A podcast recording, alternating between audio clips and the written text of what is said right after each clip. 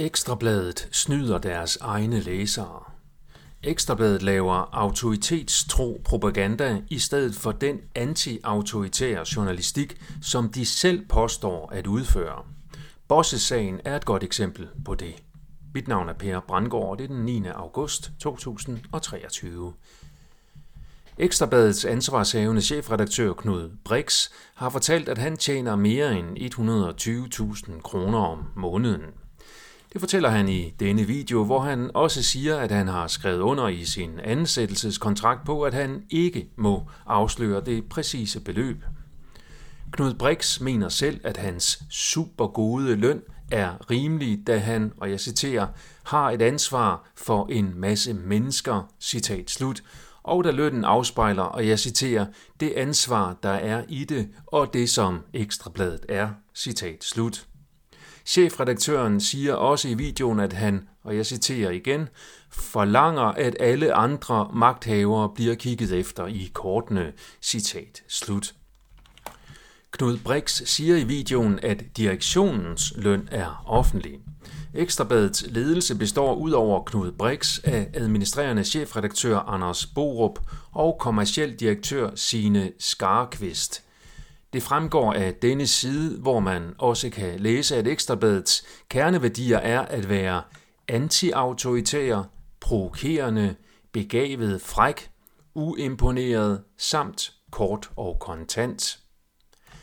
Der står intet om kommerciel direktør Sine Skarkvist på hele ekstrabladet.dk, ud over hendes navn på ovennævnte side. Det er således ikke rigtigt, at direktionens løn er offentlig, som Knud Brix ellers påstår i videoen. Sine Skarkvist er uddannet kant mag i fransk og økonomi og bachelor i fransk og tysk erhvervssprog ifølge hendes profil på LinkedIn.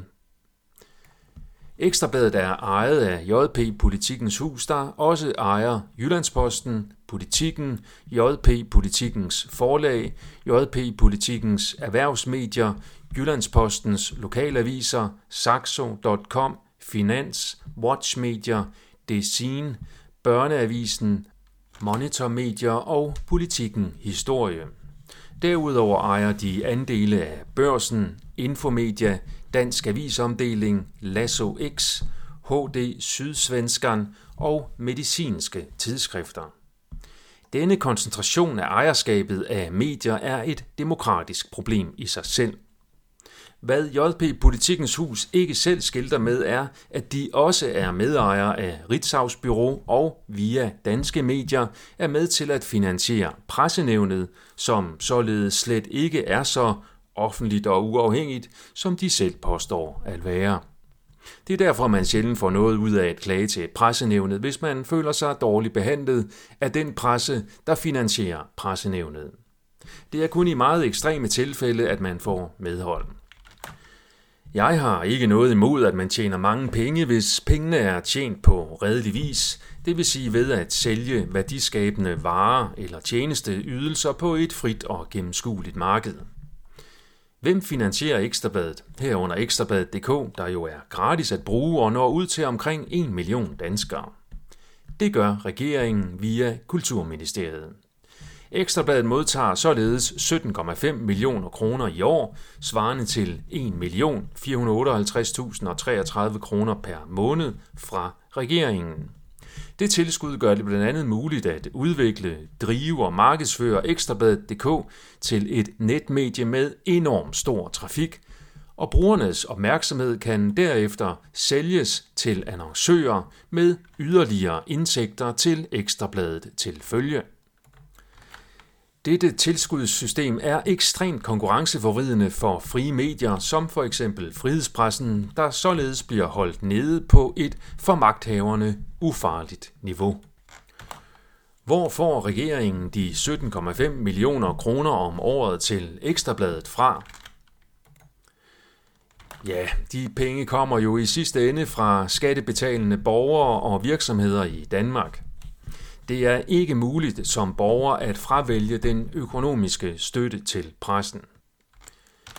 Mediestøtten skal aktivt søges af hvert medie hvert år. hvilket betyder, at der er et løbende evalueret kundeleverandørforhold mellem regeringen og Ekstrabladet. Hvis Ekstrabladet ikke makker ret, så mister de millionerne.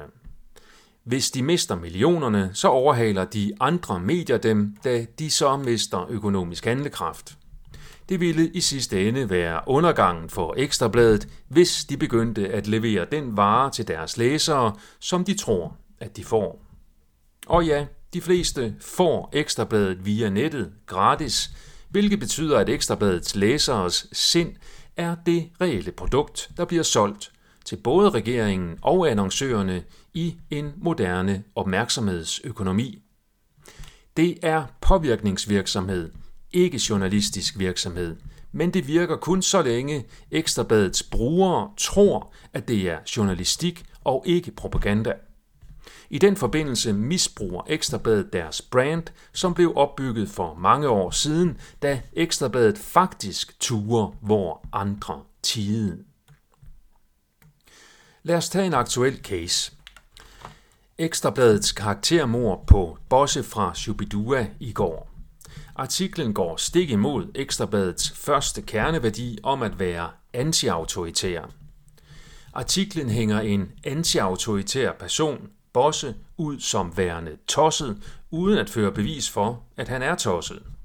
Det nærmeste artiklen kommer beviser for artiklens hovedpåstand er eksempler på antiautoritære ytringer fra Bosse. Budskabet fra Ekstrabladet er derfor indirekte, at hvis du kommer med offentlige antiautoritære ytringer, så er du tosset.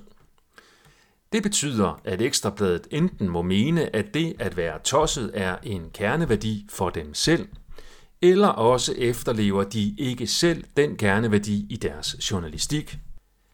Det er min samlede vurdering af Ekstrabladets journalistiske produktion siden starten på coronakrisen, at Ekstrabladet reelt er pro-autoritær.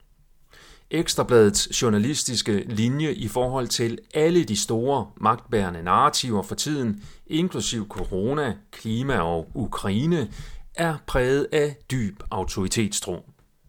Ekstrabladet udgiver sig således for at være noget andet end de er. Når Ekstrabladet kritiserer magthavere, så er det altid på et overfladisk niveau.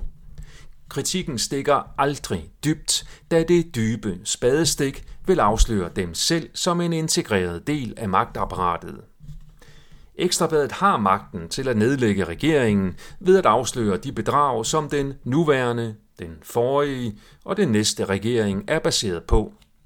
Det gør Ekstrabladet ikke, da det går imod deres forretningsmodel, som er at lade som om, at man er fræk og kritisk, mens man reelt er lydig og autoritetstro.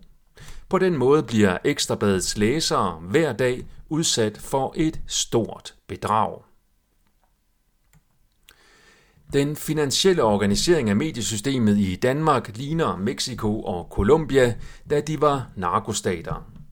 Regeringerne i Mexico og Colombia modtog mange penge fra narkokartellerne mod til gengæld at lade narkokartellerne operere i fred og uden efterforskning.